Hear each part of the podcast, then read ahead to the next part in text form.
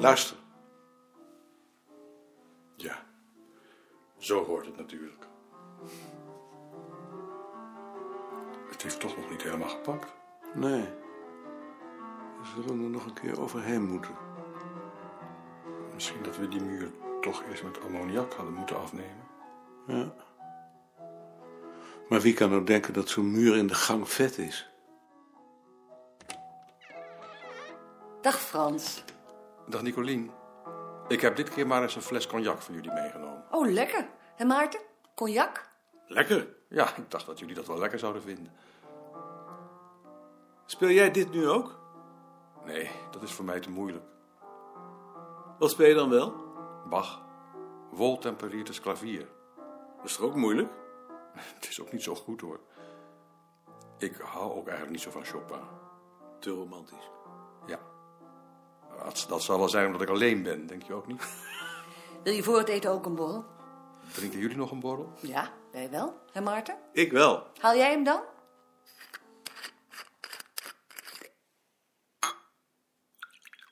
Hoe gaat het nou eigenlijk met dat pianospelen? Wel goed. Ik heb op het ogenblik alleen wat problemen met de buren, of eigenlijk met de buurvrouw. Die heeft er last van. Nou ja, last. Het is een paar keer komen vragen of ik wat zachter wilde spelen, omdat haar man zat te studeren. Wat is dat dan voor iemand? Je bedoelt of ik ermee naar bed kan? Ja, Ja, dat denk je natuurlijk altijd. maar je hebt het mij niet gedaan. Nee, eigenlijk niet.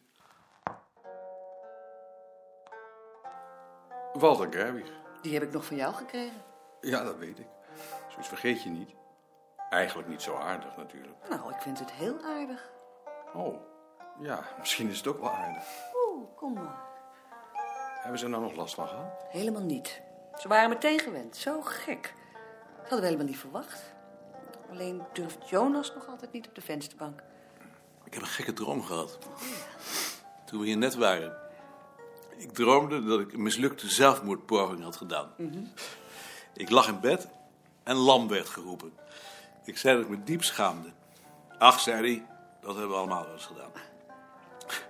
Maar ik zal je toch maar eens naar de psychiater sturen. Ik had er helemaal geen zin in, maar ik stond zwak. Dus ik durfde me niet te verzetten. Ik naar die psychiater. Die man heette Den Hertog. Bleek een enorme zak te zijn. Ik zat daar en ik dacht, ik moet hier zo gauw mogelijk weer weg. Hij keek op, hij had zitten schrijven en hij zegt... Vertelt u maar eens. Ik zeg, dat hoeft niet. Hier hebt u mijn dagboeken. Ik had mijn, mijn dagboek in twee tassen bij me. Een groene lege tas. Leest u die maar. Daar staat alles in. Ik vond het een enorme klootzak.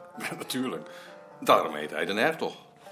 Een hertog is ondergeschikt aan een koning. Ik had er niet eens aan gedacht. Maar dat lijkt me toch wel duidelijk. Denk je ook niet? Ik had er ook niet aan gedacht. Nou, misschien vergis ik me wel hoor. Maar waarom droom je zoiets? Je dacht toch omdat je te vet had gegeten? Ja, dat dacht ik. Miss- misschien dat je die verhuizing onderbewust als een soort zelfmoord hebt gezien. Ja, ik zeg maar wat. Zou dat zijn? Ik heb gedroomd dat ik met D. Haan naar bed ging. Dat was ook niet zo'n prettige droom.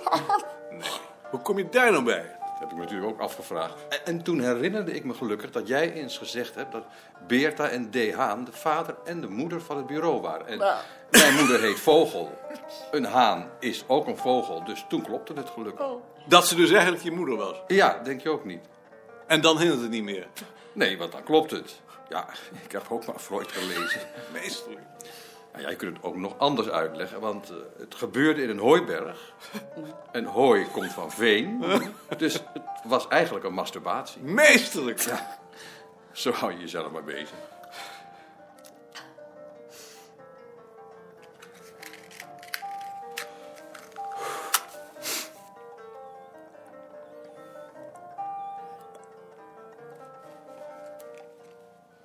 Vind je het eigenlijk gek dat ze verhuisd zijn? Nee. Nee, waarom zou ik dat gek moeten vinden? Als een verraad tegenover ons oude huis. Nee. Nee, dat heb ik zo niet gevoeld. Dit is veel chiquer natuurlijk. Ja, dat wel, maar als je dat nou kunt betalen.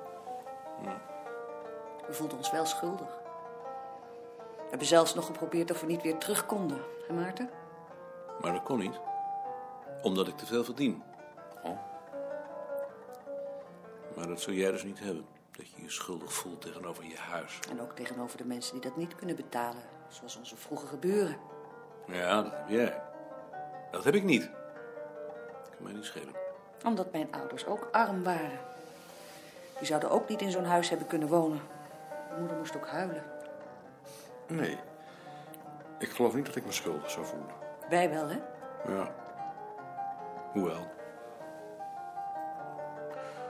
Schuldig is misschien het woord niet. Het is meer het gevoel dat je ergens niet weg moet gaan. Je mag niet vluchten. Ook dat niet natuurlijk. Maar zeker niet als je er beter van wordt. Nee, dat zou me geloof ik niet kunnen schelen. Ik zou het eerder een opluchting vinden.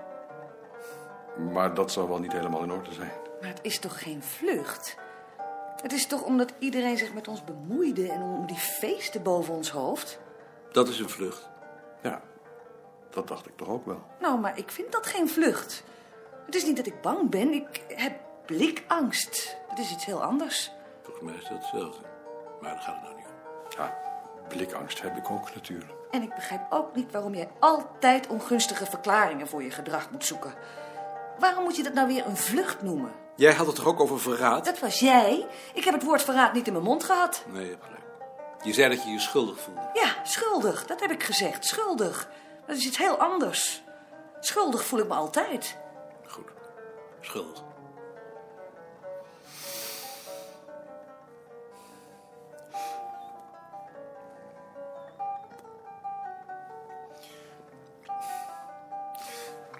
Toen mijn vader hier de eerste keer kwam, toen zei hij... Eindelijk een huis waarin je met goed fatsoen kunt wonen. Toen hij dat zei, was mijn eerste gedachte... Inpakken en wegwezen. Ja, dan is het iets anders natuurlijk. Terwijl ik mezelf in dat oude huis wel eens betrapte op de gedachte... dat ik daar niet in mijn kist zou willen worden uitgedragen. Verklaar dat nou maar eens. Als je durft.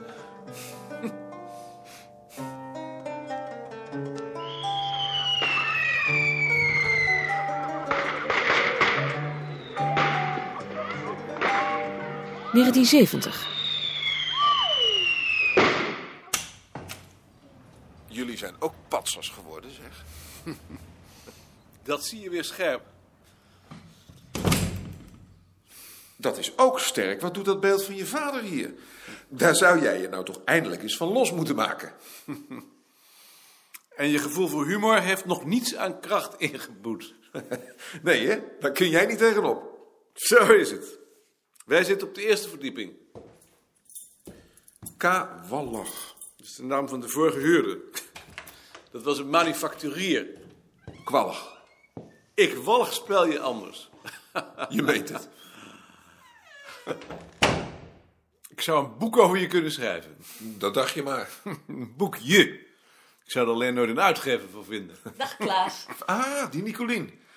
Die bloemen zijn voor jou, voor je nieuwe huis. Aan Maarten zijn ze niet besteed. Wow, dank je. Rechtdoor, zover je kunt. Kla- Klaas ziet in het Neptunusbeeld beneden een gelijkenis met mijn vader. Ja? Je mag straks wel een rolstoel met een hulpmotor aanschaffen. Allemachtig. Wat zegt je vader daarvan? Mijn vader vindt het eindelijk een ruimte waar je met goed fatsoen kunt wonen. Ik, ik ik dacht dat je vader socialist was. Dat is hij ook, maar dat geldt niet voor zijn zoons. Waarom heb je die roede bundel op de schoorsteen laten aanbrengen?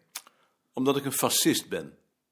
Daar zou ik dan maar voorzichtig mee zijn met daarmee te koop te lopen. Langzamerhand kan het alweer. Is je altijd zo snedig? Kijk, die plant hebben we van het bureau gehad. Ik dacht dat ze de pest aan jou hadden. Het is toch geen reden om iemand geen bloemen te geven? Juist, zou ik zeggen. Zo, Jonas. Jullie hadden toch twee katten? En Die andere ligt daar in zijn mand, bij de verwarming. Wil je een kop thee?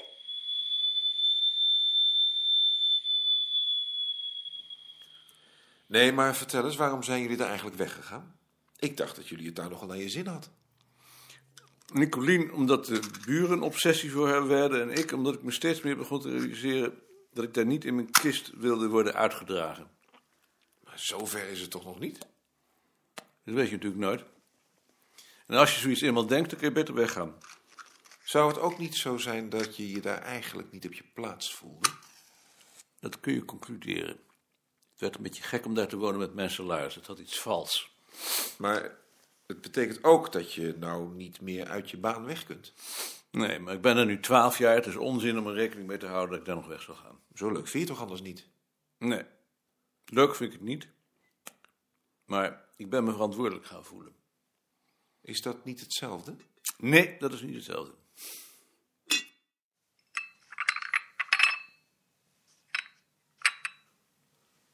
Voel jij je dan niet verantwoordelijk? Niet voor de school. Voor je leerlingen? Ja, wel voor mijn leerlingen. Maar ik zou ook rustig naar een andere school kunnen gaan. De, de school kan mij niet schelen. En die mensen waar je mee werkt, voel je je daar ook niet verantwoordelijk voor? Nee. Voor die mensen voel ik me niet verantwoordelijk.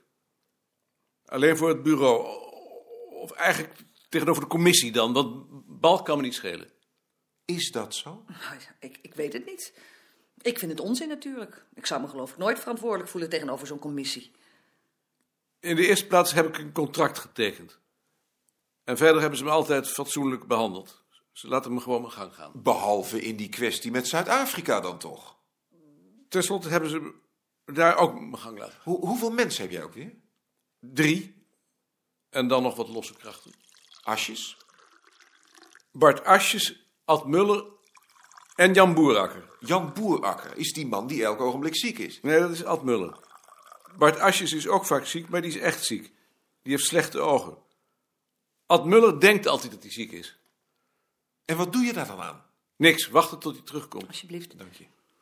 En heb je nooit eens het gevoel dat jij daar schuld aan hebt?